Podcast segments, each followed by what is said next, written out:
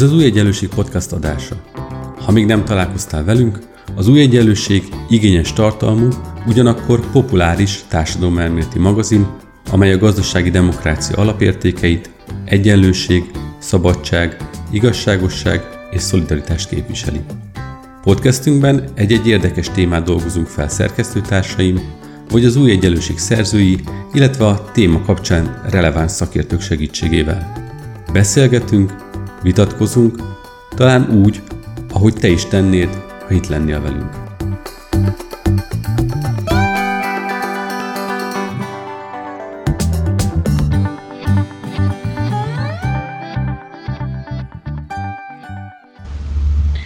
Üdvözlöm a hallgatókat, Bíró Nagy András podcastja szerkesztője, és a mai adásban e, folytatjuk azt a beszélgetést, amely igazából két héttel ezelőtt a felütését adta az uniós csúcsnak, most pedig az uniós csúcs múlt heti eredményeit fogjuk átbeszélni, összefüggéseiben mélyebben értelmezni, és beszélgető társam ma is Hegedűs Dániel lesz, a German Marshall Fund munkatársa, Berlinben élő politológus. Szervusz Dani, köszönöm, hogy ismét elfogadtad a meghívásunkat. Szervusz András, köszönöm, és köszöntöm én is a hallgatókat. Múlt héten egy elég hosszú folyamat végére értünk. Nyugodtan mondhatjuk talán, hogy hónapok folyamata, de akár hogyha az egész jogállamisági mechanizmus kérdéskörét nézzük, akkor egy több éves folyamat ért egy legalábbis tekintően kijelentett Nyilván a következő egy-két évben még sokat hallunk erről a kérdésről, de alapvető fontosságú döntések születtek. A múlt heti uniós csúcssal kapcsolatban megkezdődött az értelmezési verseny azonnal. A magyar sajtóban is a leggyakoribb kérdés talán úgy hangzott, hogy ki nyert, mindenki győzelmet kiáltott, kormány is győzelmet kiáltott, az ellenzék is győzelmet kiáltott, európai szintéren a hollandok ugyanúgy mondhatták, hogy elértek valami fontosat, mint ahogy ezt mondjuk a lengyel vagy a magyar kormány tette. Kívülről azért nagyon úgy tűnik sokaknak szerintem, hogy egy klasszikusan olyan brüsszeli megoldás született, amelyet mindenki el tud adni győzelemként otthon. Te hogy értékelnéd ezt a megállapodást? Lehet ezt egy ilyen egydimenziós kérdéssel ö, ö, értékelni ezt a múlt heti megállapodást, hogy ki nyert? Igen, és azt hiszem, hogy szerintem te tökéletesen is értékelted. Egy, egy klasszikus brüsszeli megállapodás született, amiben senki nem veszítette el az arcát. Nyilván, hogyha ennél egy kicsit mélyebbre akarunk ásni, akkor érdemes egyrészt feltenni, hogy mik voltak a korábbi stratégiai céljai egyébként a lengyel és a magyar kormánynak, tehát milyen vétó mögött, és egyébként azt is érdemes feltenni, hogy akik nagyon eltérő adott esetben homlok egyenest módon értelmezik magában ennek a csúcsnak a, az eredményét, hogy ők milyen elvárásokkal ö, vágtak bele tulajdonképpen ebbe, a, ebbe az értelmezési kísérletbe, és leginkább szerintem ez determinálja, hogy egyébként utána milyen, ö, milyen értelmezésre is jutnak. Ha a célokat nézzük, akkor úgy vélem, hogy a magyar és a lengyel kormány fő motivációja szeptember óta az volt, hogy vagy teljes egészében megszabaduljanak a jogállamisági kondicionalitástól, illetve a, a mechanizmustól, vagy pedig azt oly mértékig felvizezzék, hogy gyakorlatilag effektíve használhatatlan legyen. Most nyilván még hosszan fogjuk értelmezni, hogy tulajdonképpen mit is jelent tartalmilag ez a politikai dokumentum, amit most az Európai Tanács elfogadott, de, de szerintem nyugodtan állíthatjuk, hogy ennek a két stratégiai célnak egyike sem valósult meg. Ha megnézzük azt, hogy mennyivel kedvezőbb dokumentumot és szabályozásrendszert utasított el egyébként Orbán Viktor és Mateusz Morawiecki még szeptemberben, ugye a német elnökség a javaslatát, akkor egyértelműen azt látjuk, hogy sokkal kevesebb eredménnyel távoztak a tárgyalóasztaltól, mint ami egyébként végig és folyamatosan benne volt számukra lehetőségként ebben a játszmában.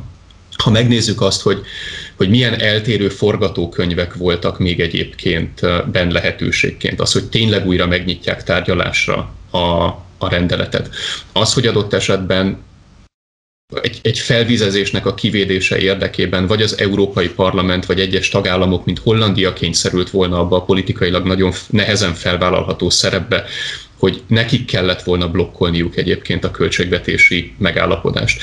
Az, hogy szó volt a hetedik cikk szerinti eljárásoknak a felfüggesztéséről, befejezéséről Magyarországgal vagy Lengyelországgal szemben, akkor úgy vélem, hogy hogy a lehetőségekhez képest egy nagyon pozitív végeredmény született. Nyilván, hogyha az elvárás, közelítünk a dologhoz, hogy arra számítottunk, hogy, hogy adott esetben alapvetően a magyar belpolitikai erőviszonyokra is hatással lesz ez a döntés, akkor nyilvánvalóan sokaknak csalatkoznia kellett. Itt szerintem egyébként érdemes feltenni azt a, azt a kérdést, hogy igazából ez az elvárás a kezdetek kezdetétől fogva mennyire volt reálisnak tekinthető. A másik pedig, hogyha önmagában csak normatív alapon a jogállamiság kérdését szemléljük, akkor nyilván azt látjuk itt, hogy hogy az Európai Unió megint kötött egy kompromisszumot az alapértékei tekintetében. Lehet azon vitatkozni, hogy ez egy mennyire jelentős kompromisszum, de azért papírforma szerint itt mégis született egy kompromisszum, amit értékelhetünk úgy, hogy az Európai Unió megint nem volt képes teljes melszélességgel kiállni ezen alapértékek védelmében. Itt én azt a kérdést tenném föl, hogy amikor igazából a döntési szituáció nem egydimenziós, mert nem lehet ebből a döntésből egyszerűen kivonni a költségvetési csomagnak, illetve a koronamentő csomagnak a kérdését, akkor megint mennyire reális egy ilyen normatív és egydimenziósan csak a jogállamiság kérdésére fókuszáló megközelítés. Itt a magyar belpolitikai vitákat, de akár a, az értelmiségi reakciókat figyelve is az lehet az embernek az érzése, hogy mint hogyha attól függne az interpretáció, hogy kinek mi a horizontja. Tehát ezt úgy fogalmaztad meg, hogy az elvárásai, de én talán ezt egy kicsit megpróbálom úgy értelmezni, hogy az a típusú horizontja, hogy valaki mindent a 2022-es magyar választások szempontjából értelmez, más meg esetleg onnan abból a szempontból nézi, hogy az európai integráció épülése, fejlődése szempontjából egy milyen döntés született, és hogyha azon belül esetleg egy-egy intézkedésnek az alkalmazása csúszik fél évet, egy évet, ne adj Isten két évet, akkor attól még önmagában a döntés mégiscsak egy ö, jól kijelölhető irányba haladt. Nem látod-e azt, hogy esetleg pont ez a 2022-es választási prizma az, ami megtöri nagyon sokaknak a, az értékelését? De egyértelműen, és és számos beszélgető partnerem utalt rá egyébként a, a, az elmúlt napokban, hogy tulajdonképpen itt 2022 így a végső csataként lebeg ö, sokaknak a, a mentális horizontján. Ö, én úgy gondolom, hogy igen, persze, tehát hogy ennek a végső csatának a, az eldöntésébe valószínűleg nem segített most ez a kompromisszum, de én nem gondolom, hogy itt, itt eljött volna a világ vége bármilyen összefüggésben. Tehát ugyanúgy tovább őrölnek a mai naptól kezdve az európai politikának a, a malmai, méghozzá abba az irányba, hogy minél inkább lebontsák egyébként ennek, a, ennek az értelmező nyilatkozatnak a, a korlátait. És ezért azt gondolom, hogy az elkövetkezendő hetekben, hónapokban egyrészt ugyanúgy érdemes továbbra is ezen a fronton dolgozni, másrészt pedig látni fogjuk, hogy igazából hogyan bomlik ki ennek a rendeletnek a, az alkalmazása. Tehát mm, számomra meglepő volt egyébként nagyon sokak részéről egyfajta ilyen kezdődő euroszkepticizmusnak a kialakulása adott esetben a magyar ellenzéki táboron belül is. Én úgy gondolom, hogy erre nincsen okunk. Tehát, hogy ez a történet továbbra is fejlődni fog, méghozzá jó irányba fog fejlődni, és ha még egy utolsó egyrészt másrészt érvel zárhatnám le a választ erre a kérdésre, semmi garanciánk nem volt arra, hogy annélkül az értelmező nyilatkozat nélkül egyébként ugyanúgy lett volna Magyarországgal szemben adott esetben szankciókra csak javaslat a bizottság részéről a 2022-es választások előtt. Egyrészt azért, mert nyilván a bizottság tartózkodik attól, hogy bármilyen olyat, bármi olyat tegyen, amit, amit a belpolitikai küzdelembe való beavatkozásként lehet értékelni.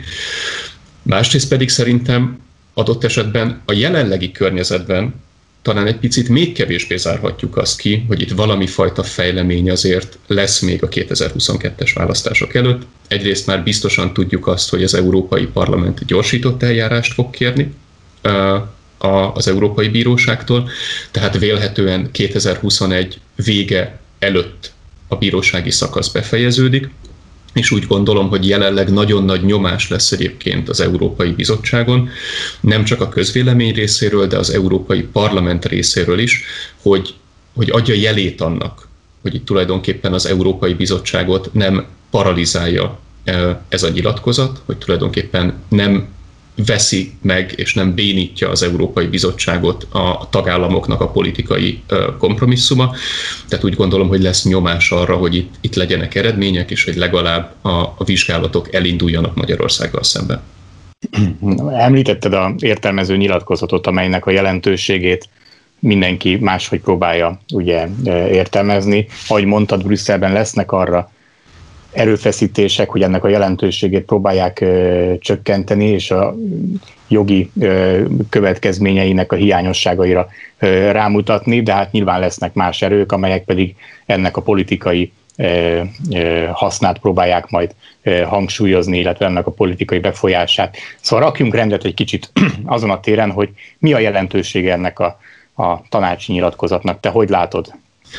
Um Szerintem ez egy ilyen nagyon dodonai válasz lesz, de úgy gondolom, hogy részben azoknak is igaza van, akik ezt egy darab papírfecninek tekintik, és azoknak is, akik viszont rámutatnak a, a tényleges politikai súlyára. Egyszerűen azért, mert ennek a nyilatkozatnak ténylegesen nincsen jogi kötőereje. Lelően valóban az Európai Bizottság egyébként, egyébként nyugodtan mondhatja azt, hogy bármit is mond az Európai Tanács, itt nekünk egy jogi kötelezettségünk van, jogszabályba foglalt módon ennek a rendeletnek a végrehajtására, amit mi egyébként tenni is fogunk 2021. január 1-től, ahogy hivatalosan remélhetőleg hatályba lép. Másrésztről a, a szankciókról való döntés az továbbra is a tanácsban képviselettel bíró tagállamoknak a kezében van. Ugye a tanács minősített többséggel dönt a, a szankciós mechanizmusnak az alkalmazásáról. Ami azt jelenti, hogy amennyiben a tagállamok úgy gondolják, hogy ez a nyilatkozat ténylegesen a ő politikai álláspontjukat tükrözi hosszú távon is, ami egyébként szerintem egyáltalán nem kezelhető magától értetődőnek, akkor nyilvánvalóan erre a nyilatkozatra tekintettel kell lenni az Európai Bizottságnak, hogyha azt akarja, hogy az ő általa javasolt szankciók megkapják azt a szükséges támogatást, hogy valóban elfogadásra kerülnek és életbe tudjanak lépni. És ebből a szempontból viszont ténylegesen van politikai súlya ennek a nyilatkozatnak. Én úgy gondolom, bocsánat, még egy, egy mondat, hogy onnantól kezdve, hogy igazából rákerül a magyar és a lengyel aláírás a hosszú távú pénzügyi, költ, vagy pénzügyi perspektívára, illetve a magyar és a lengyel parlamentek ratifikálják a saját forrásokról szóló döntést, ami ugye szükséges a koronavírus mentőcsomaghoz, onnantól kezdve tulajdonképpen semmi érdeke nincs az Európai Bizottságnak és a tagállamok jelentős részének arra, hogy hogy ők tartsák magukat ehhez a megállapodáshoz. Különösen annak fényében, hogy legyünk őszinték, ez a megállapodás alapvetően zsarolásnak és politikai nyomásgyakorlásnak a következménye. Nyilván az uniós politika nem arról híres, hogy, hogy díleket nyilvánvaló módon megszegnek, de szerintem lesz arra politikai szándék, adott esetben számos tagállam részéről is, hogy, hogy ne feltétlenül tartsák magukat ehhez a megállapodáshoz, és ne érezzék az, hogy ez, ez lényegi korlátokat szab az ő magatartásuk számára. Néhány nappal a csúcs előtt még erősen feszítette magát a magyar és a lengyel kormány, hogy ki fognak állni a vétó mellett. Hogyha így utólag értelmeznünk kellene azt, hogy, hogy mi változott meg az utóbbi néhány napban, mi győzte meg a lengyeleket és a magyarokat, hogy, hogy ne vétózzanak, akkor akkor, akkor szerinted mi volt az a, a döntő mozzanat, ami, ami elhárította ezt a vétót? Igen. Szerintem ami miatt úgy érvelhetünk, hogy a pohár mégis félig tele van, az a politikai dinamikáknak egy jelentős átrajzolódása. Tehát szerintem először láttunk arra példát, hogy a, az EU25-ök effektíve politikailag egységesen felléptek Lengyelországgal és Magyarországgal szemben, és valahol belehúztak egy, egy vonalat azért a, a homokba. Ugye emlékezzünk arra, hogy múlt hét KED volt a névleges határidő arra, hogy Lengyelország és Magyarország eldöntse, hogy részt kíván venni a koronamentő csomagban, vagy pedig meginduljanak a tárgyalások kormányközi alapon 25 tagállam között, ténylegesen Magyarország és Lengyelország kihagyásával a koronavírus mentőcsomagról. Ez az a ked volt, aminek az estéjén a lengyel és a magyar kormány egyébként bedobta a törülközőt. Ami, egyéb, ami azt mutatja, hogy tulajdonképpen még csak nem is blöffölt Magyarország és Lengyelország sokáig. Tehát senki nem gondolt szerintem érdemben arra, hogy a kormányközi koronavírus mentőcsomagnak a fenyegetése az ilyen gyorsan átrendezi a lengyel és a, és a magyar álláspontokat. Tehát még csak nem is kellett ténylegesen tárgyalni erről az alternatíváról, amikor, amikor Lengyelország és Magyarország meggondolta magát. És onnantól kezdve ténylegesen a, a hátralévő két-három napban már csak a, annak a dílnek a megszövegezése zajlott, ami lehetővé teszi számukra azt, hogy az arcuk megőrzésével visszavonulhassanak. Úgyhogy ha az a kérdés, hogy mi győzte meg Magyarországot és Lengyelországot, szerintem az győzte meg, hogy itt effektíve nyilvánvaló volt, hogy el lehet húzni egy még tovább ezt a blokkádot, de annak nagyon súlyos anyagi következményei lehetnek mindkét ország számára, és vélhetően a korábbi tévedéseikkel szemben itt felmérték azt, hogy ténylegesen van politikai szándék ennek, a, ennek az alternatívának a megvalósítására. Öm, hogy ez kinek az érdeme, az egy, az egy nagyon jó kérdés. Egyrészt úgy gondolom, hogy nagyon meglepően szilárd volt az EU25-nek a szövetsége az utóbbi hetekben, vagy talán egy hónapban. Az, hogy Szlovéniát sikerült egyébként beállítani ebbe a sorba, az, hogy olyan országok nem inktak meg, hanem a támogatásukról ezt a, ezt a projektet, mint a románok, vagy az olaszok, vagy más déli államok, ez szerintem nagyon jelentős volt, és, és a nemzetközi sajtóban sokan a, a német elnökség tárgyalási kvalitásainak e, és, és Angela Merkel konszenzus teremtő képességének a, a, a számlájára írja ezt a megállapodást. Én úgy gondolom, hogy ha, ha itt a, a tényleges uh, játékosokat keressük, akkor úgy vélem, hogy ez az Európai Parlament volt, illetve a Holland-Skandináv Szövetség, mert egyszerűen ők nem engedték a, a német elnökséget további mélyebb, szubstanciálisabb gesztusokat tenni Magyarország és Lengyelország felé. Tehát azok, akik itt ténylegesen ezt a koalíciót a saját adott esetben kemény álláspontjukkal meghatározták és lehetővé tették, azok a lengyel és a magyar kormány európai szintű politikai ellenlábasai voltak. És ebben a, a kötélhúzásban te hogy látod, ki inogott meg először? Lengyelek voltak tényleg? Ott volt egy, egy kibeszélés az egyik miniszterelnök helyettes részéről, aki azt mondta, hogy csak egy jó ajánlatra várnak, egy jó kompromisszumra, és akkor ők hajlandóak elállni a vétótól a magyar kormány pedig mintha egy kicsit ö, ö, jobban belemerevedve az eredeti álláspontjába utána kezdett volna a lengyelek után szaladni. Volt-e egy ilyen dinamikája, amit a, ha az ember csak a sajtótermékeket olvasta, akkor, akkor esetleg úgy tűnhetett? Tehát volt -e egy olyan dinamika, hogy a lengyelek elkezdtek meginogni, és ez azért megrendítette az eredeti vétófenyegetést akár nálunk is? Igen, abszolút, és ebből a szempontból nekem is revidálnom kellett a korábbi álláspontomat. Én nagyon sokáig úgy gondoltam, hogy, hogy a Lengyel-Magyar Szövetség nem osztható meg. De ha nem is stratégiai, de taktikai szinten ez történt. Tehát nyilvánvaló módon Magyarország tekintetében még egyébként a szűkebb fókusszal is teljesen egyértelmű, hogy, hogy Magyarország szankcionálható ezáltal a rendelet alapján. Lengyelország esetében már, már számos ponton pláne a, az igazságszolgáltatási reformmal összefüggésben, ez nem olyan magától, egy, magától értetődő. És nyilvánvaló módon azért Lengyelországban egyre többen kérdez, tették fel azt a kérdést, hogy, hogy valóban nekik, nekik el kell esniük 23 milliárd eurótól az elkövetkezendő két évre, csak azért, hogy Magyarországot védjék az utolsó töltényig az európai porondon. És ez egy, egy koalíciós válsághoz vezetett a lengyel kormányon belül. Ugye Jaroszláv Kovén miniszterelnök helyettes beszélt valóban ki, és fogalmazott úgy, hogy Lengyelország számára tulajdonképpen tökéletesen kielégítőek azok a garanciák, amik, amiket korábban teljesen egyértelműen elutasított a lengyel és a magyar kormány is, mert hogy oly mértékben távol voltak az eredeti követeléseiktől, és gyakorlatilag szimbolikus garanciának voltak csak tekinthetők. Ugye nagyon sokáig nem lehetett tudni, hogy ez Govinnak a személyes álláspontja, a pártjának az álláspontja, vagy pedig a kormánynak az álláspontja, de függetlenül attól, hogy melyik is volt, ugye utólag tudjuk, hogy ez, ez igazából az ő pártjának volt az álláspontja, de ettől függetlenül ez hihetetlen mértékben gyengítette a, a lengyel pozíciót, és felvetette annak a lehetőségét, hogy a lengyel kormány adott esetben kisebbségben kerül, kisebbségbe kerülhet, hogyha, hogyha törésre viszik ezt a kérdést.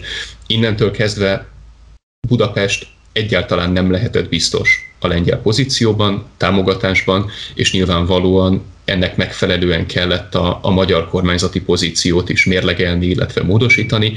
Tehát ennek fényében értelmezhető egyébként a, a hétfői keddi tárgyalás sorozat is, illetve hogyha jól emlékszem, a, a, a keddi uh, útja Orbán Viktornak uh, Varsóba, uh, hiszen nyilvánvalóan személyesen meg kellett akkor bizonyosodni, hogy itt valóban nem lehet már a, a lengyel támogatásra számítani, és hogy az egyetlen igazából lehetséges opció az a, az a közös visszavonulás egy olyan formában, ami ismételt módon ö, nem jár arcvesztéssel egyik fél számára sem. Amikor két héttel ezelőtt beszélgettünk, akkor még éppen a, a Szájer ügy előtt jártunk, és igazából nyilván most, bár már azóta nagyon sok minden történt, és már talán kevésbé uh, foglalkoztatja a közvéleményt, mint mondjuk egy héttel, vagy még akár, igen, tehát bő egy héttel ezelőtt, azért érdemes ezt áttekinteni, hogy ez a Szájer ügy összességében változtatott-e bármit a magyar pozíción. Sokan spekuláltak azon, hogy itt külföldi szolgálatok szerepe is ott lehetette mögött az ügy mögött, már csak azért is, hogy ezzel is nyomást gyakoroljanak a, a magyar, de akár is, hogy állatokat. Te hogy lát bármi jelentősége végül is a magyar pozíció alakulásában? Szerintem nem érdemes spekulálni azon, hogy mi, mi állhatott a, a Szájer ügy hátterében. Úgy vélem, hogy jelentős hatása volt a Szájer ügynek, és egyébként a Deutsch ügynek is a Fidesz néppárton belüli pozícióira. De én, én úgy látom, hogy igazából itt mindenki arra törekedett, hogy a, hogy a vétónak a kérdését és a, és a néppárton belüli pozíciónak a, a kérdését azt, azt szétválasszák egymástól, és véletlenül se terheljék meg egyébként a, a blokkát feloldásáról szóló tárgyalásokat egyéb konfliktusokkal.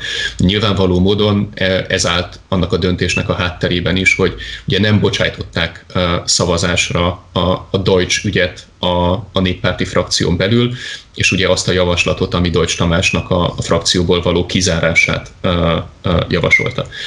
Tehát ennek megfelelően igen, valamelyest gyengítette a, a magyar pozíciót, de én úgy vélem, hogy a, hogy a vétóról szóló kormányközi tárgyalásokon ennek minimális jelentősége volt igazából. A, a néppárton belüli kérdést azt vélhetően egyébként hosszú távon és, és alapvetően befolyásolta. Amikor ennek a múlt heti uniós csúcsnak a magyarországi értékelését nézzük, akkor nagyon sokan azt emelik ki, hogy időt nyert Orbán Beszéltünk is erről az elején, hogy ez egy 2022-es prizmán keresztül nézve értelmezhető igazán, de tegyük föl azt, hogy, hogy esetleg végig tudjuk nézni, hogy hogyan mehet előre ez a jogállamisági mechanizmus. Te hogy látod, hogyha valóban időt nyert Orbán, akkor valójában mennyi időt nyert? És ezt nem csak a, a, arra gondolok, hogy, hogy a bíróság elé mehet a mechanizmus, mm. hanem van itt egy olyan dimenzió is, amiről talán kevésbé esik szó a magyar közvéleményben, és ez pedig az, hogy az Európai Bizottságnak pedig elvileg iránymutatást kell majd adnia a rendelet alkalmazására, egy módszertant kell kidolgoznia a, a, a rendelet alkalmazására, amit sokan értelmezhetnek úgy, hogy ez egy újabb időhúzási lehetőség lesz az európai szintéren. Tehát hogy látod ezeknek az időhúzási lehetőségeknek a, a, a, a, a valóságát? Mennyi időt nyerhet valójában Orbán ezekkel a, a pluszkörökkel? Igen, szerintem viszonylag egyszerűen fel tudunk egy, egy timeline-t vagy időhorizontot vázolni. Egyrészt valamikor az elkövetkezendő hetekben elfogadásra kerül és kihirdetésre kerül az Official Journalban ez a rendelet. Ez nagyon fontos, mert ezt követően áll a magyar és a lengyel kormány számára rendelkezésre kettő darab hónap, hogy ezt a rendeletet az Európai Bíróság előtt megtámadja. Hogyha elfogadjuk azt, hogy egy január 1 hatályba lépéssel számolhatunk továbbra is, akkor valahogy még december során, vagy december 31-ig ennek a rendeletnek kihirdetésre kell kerülnie, tehát mondjuk február 28-áig kerül bíróság elé ez a történet. Onnantól kezdve az Európai Parlament véleményét azóta már ismerjük, biztos, hogy gyorsított eljárással számolhatunk.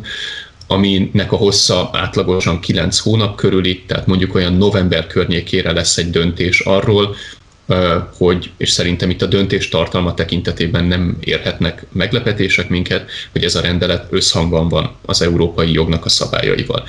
A fő kérdés az az, hogy ezt a novemberig rendelkezésre álló 11 hónapot az Európai Bizottság azzal tölti el, hogy kidolgozza azt a, azt a szabályrendszert, amiről te is beszéltél.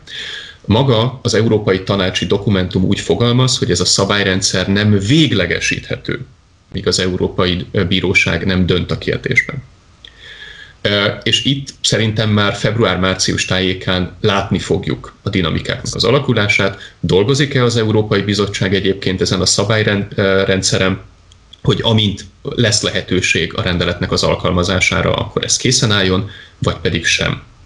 Nyilvánvalóan itt nagyon fontos lesz az Európai Parlamentnek a részéről, adott esetben tagállamok részéről Kerekperec nyomást gyakorolni az Európai Bizottságra, hogy kezdje el a munkát ezen a, ezen a szabályrendszeren, és, és amit szintén nem zár ki a, a rendelet, hogy akkor mondjuk novembertől valóban ugye Ursula von der Leyen úgy fogalmazott, hogy ők január 1-től ténylegesen használják ezt a rendeletet, és monitoringozni fogják egyébként a, a folyamatokat a tagállamokban, hogy mondjuk november-decembertől akkor egyrészt összeállt a, a szabályozási struktúra, és monitoringozták a szituációt a tagállamokban, mondjuk valóban lesznek-e bizottsági kezdeményezések legalább arra, hogy elindítsanak valami fajta eljárásokat Lengyelországgal vagy Magyarországgal szemben. Én úgy gondolom, hogy ha párhuzamosan zajlanak a fentvázolt események, akkor semmi nem zárja ki azt, hogy nyilván nem szankciók bevezetéséről beszélünk, de mondjuk ténylegesen azt, hogy december 2021. januárja folyamán elinduljanak. A 2022. januárja. Vagy ki, bocsánat, 2022. januárja folyamán, tehát beterjessze a bizottság a saját javaslatát a, a, az, e, a, az Európai Unió tanácsához. És onnantól kezdve pedig vagy a tanács viszonylag gyorsan dönt, vagy pedig a magyar kormány él azzal a lehetőséggel, hogy ugye meghúzza a vészféket, és, és az Európai Tanácsnak, tehát az állam és kormányfők tanácsának a szintjére emeli újra a történetet, de akkor is három hónapon belül ennek le kell záródnia, vagyis igazából van arra esély, a legpozitívabb forgatókönyvet figyelembe véve, hogy itt tulajdonképpen pont a magyar választási kampány hajrájában lesz majd a kérdés tematizálva. Hogy mekkora az esélye a legpozitívabb forgatókönyvnek, itt szerintem nyilván nem teszünk rá nagy összeget egyikünk sem, de önmagában nem zárnám ki azt, hogy valami fajta eljárás el fog indulni a 2022-es választásokig. Magyarországgal szemben. De itt, ahogy ezt le is vezetted, a fő kérdés az, hogy az Európai Bizottság milyen politikai attitűddel fog hozzáállni ez a kérdéshez, és hogy addig, amíg a bíróság nem dönt, addig érdemi munkát végeze, vagy pedig, vagy pedig meg fogják hagyni azt akkorra, amikor a bíróság dönt. Mert ha akkor kezdenek el viszont agyalni azon, hogy mi a pontos módszertan, akkor biztosak lehetünk benne, hogy az, az még legalább egy fél, vagy fél év, de akár egy év is lehet pluszba. Ez így van. Zárásként térjünk egy kicsit még vissza a Fidesz Európai Néppártban elfoglalt helyére. Említetted, hogy a Szájer ügynek főleg ezen a dimenzióban lehet hatása, akár tényleg hosszú távú végzetes következményei is. Hogyan látod itt az Európai Néppárton belüli timeline-t, hogyha beszéltünk itt ugye a kormány és a jogállamisági mechanizmussal kapcsolatos timeline-ról, akkor nézzük azt végig, hogy a, a, egyrészt, hogy a Fidesznek az EPP-ben a helye az most milyennek tekinthető, van-e még ebből bármilyen visszaút, amilyen helyzetben a Fidesz most van a, a néppártban, vagy, vagy vehetjük inkább komolyan azt, amit Szijjártó Pétertől láttunk a napokban, hogy körbe turnézte Európát, és gyakorlatilag egy szélső jobboldali európai válogatottal találkozott egy-két napon belül, amit sokan úgy értelmeztek, hogy már új szövetségeseket keres a e, Fidesz. Tehát egyrészt milyen, milyen a helyzete most a néppártban a Fidesznek, hova vezethet a, a, az útja, és milyennek a timeline-ja, hogy mikor fog ez időben e, kiderülni, hogy az EPP-ben e, lesz-e helye a Fidesznek, vagy sem. Igen. Visszafelé próbálnék meg, megválaszolni. Az egyik az, hogy bár nagyon látványos volt, én nem értékelném túl Szijjártó Péternek ezt a szélső jobboldali turnéját. Egészen egyszerűen azért nem, mert szerintem továbbra sem az egyetlen, és továbbra sem a legvalószínűbb forgatókönyv a Fidesz számára a, a, szélső, a szélső jobboldali pártszövetséghez való csatlakozás. Egyszerűen azért, mert ugye a másik alternatívaként az európai konzervatívok és reformerek még mindig rendelkezésre állnak, Szerintem a nagy különbség az, hogy azért alapvetően a, a szélső jobb oldallal fenntartott kapcsolatokat a Fidesznek újra fel kellett melegítenie. Ugye ez a, ez a forgatókönyv leginkább a 2019-es európai parlamenti választások előtt volt benne a pakliban, ami utána a Fidesz ezt esni hagyta, és, és most egyszerűen újra számba veszik a, a lehetőségeket a, az európai konzervatívok és reformerek felé azért nem kell hasonló szintű tapogatózást folytatni, mert ugye az európai konzervatívoknak és reformereknek a, a lengyel jog és igazságosság pártja a legmeghatározóbb ereje, gyakorlatilag az egész pártcsalád a toriknak a kivonulása óta a, a PISZ köré épül, és nyilvánvalóan ez egy olyan kapcsolatrendszer, ahol az utóbbi hónapokban extrém intenzív volt a, az egyeztetés a, a partnerek között. Én úgy vélem, hogy akár ha egy picit eltekintünk a, a, a tényleges kormányzati szintű kapcsolatoktól is, akkor is úgy vélem, hogy akár az európai imázsra, befolyásolási képességre való, való tekintettel szerintem a Fidesznek valószínűbb egy ICR pozíciója a néppártból való távozás vagy kizárás után, sem mint, a, sem mint az identitás és demokrácia csoportnak. Itt, itt, ha megengeded, egy mondatot szúrnék közben. Vannak olyan értelmezések, hogy a Fidesz nem azért kezdi el újra melegíteni a kapcsolatokat ezekkel a szélső jobboldali pártokkal, az ID frakció tagjaival, mert hogy oda akarna ülni, hanem van egy olyan értelmezés is, hogy pont lengyelekhez, ha belépne a Fidesz, akkor oda próbálna esetleg néhány pártot átcsábítani az identitás és demokrácia frakcióból, azált, hogy azáltal egy ilyen fidesz megerősített ECR, tehát Európai Konzervatívok és Reformerek pártja még nagyobb súlyú legyen az Európai Parlamenten belül. Tehát az is lehet, hogy itt egy csábítási művelet zajlik már most.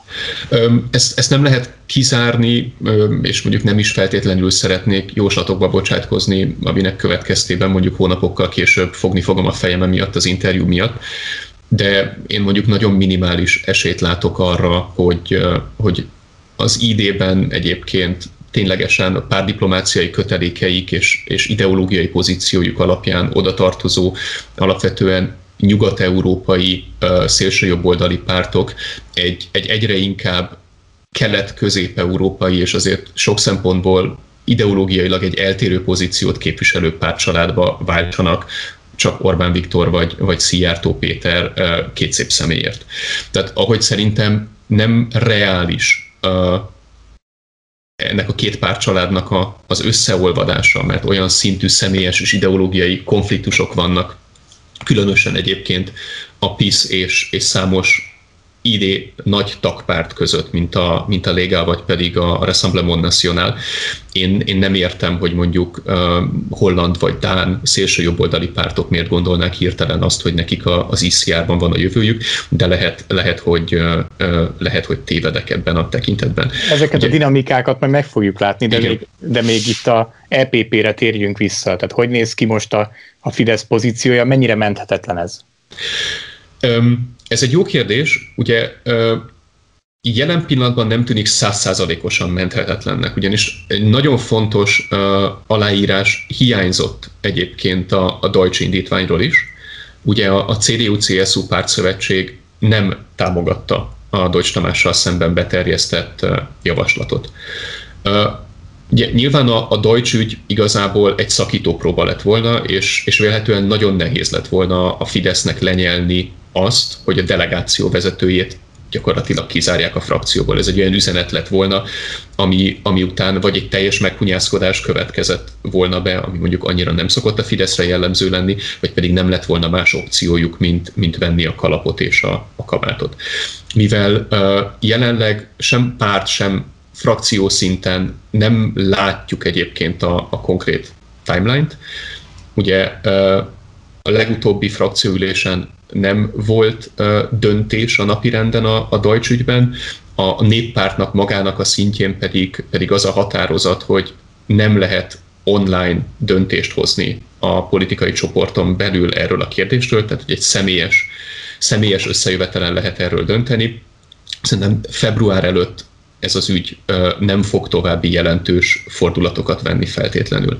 És igazából itt bejön az a kérdés, hogy továbbra is a, hezitáló németek nagyon nagy mértékben meghatározzák azt, hogy mondjuk lesz-e többség egy, egy kizárás tekintetében, és, és ezen a vonalon pedig tényleg szerintem teljesen a sötétben tapogatózunk.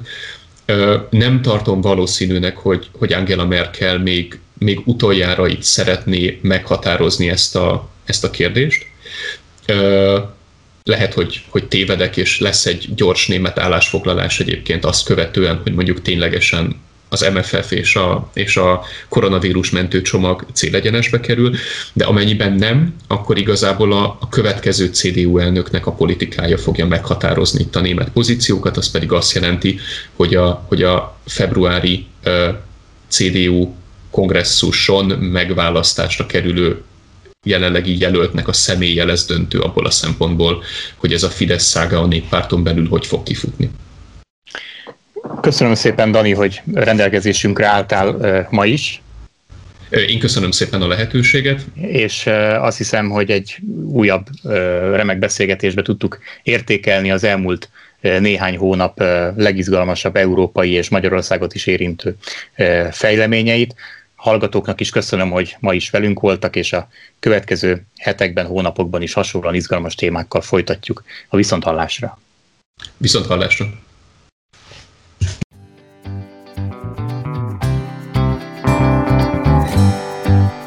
Köszönjük, hogy velünk voltál! Olvasd minket az újegyenlőség.hu oldalon, nézd meg videóinkat a YouTube csatornánkon, és kövess minket a Facebookon. És hallgass meg a következő podcastünket! Ha tetszett, akkor szólj barátaidnak, ismerősöidnek is. Terjezd a hírünket, hogy minél többen találkozhassanak velünk.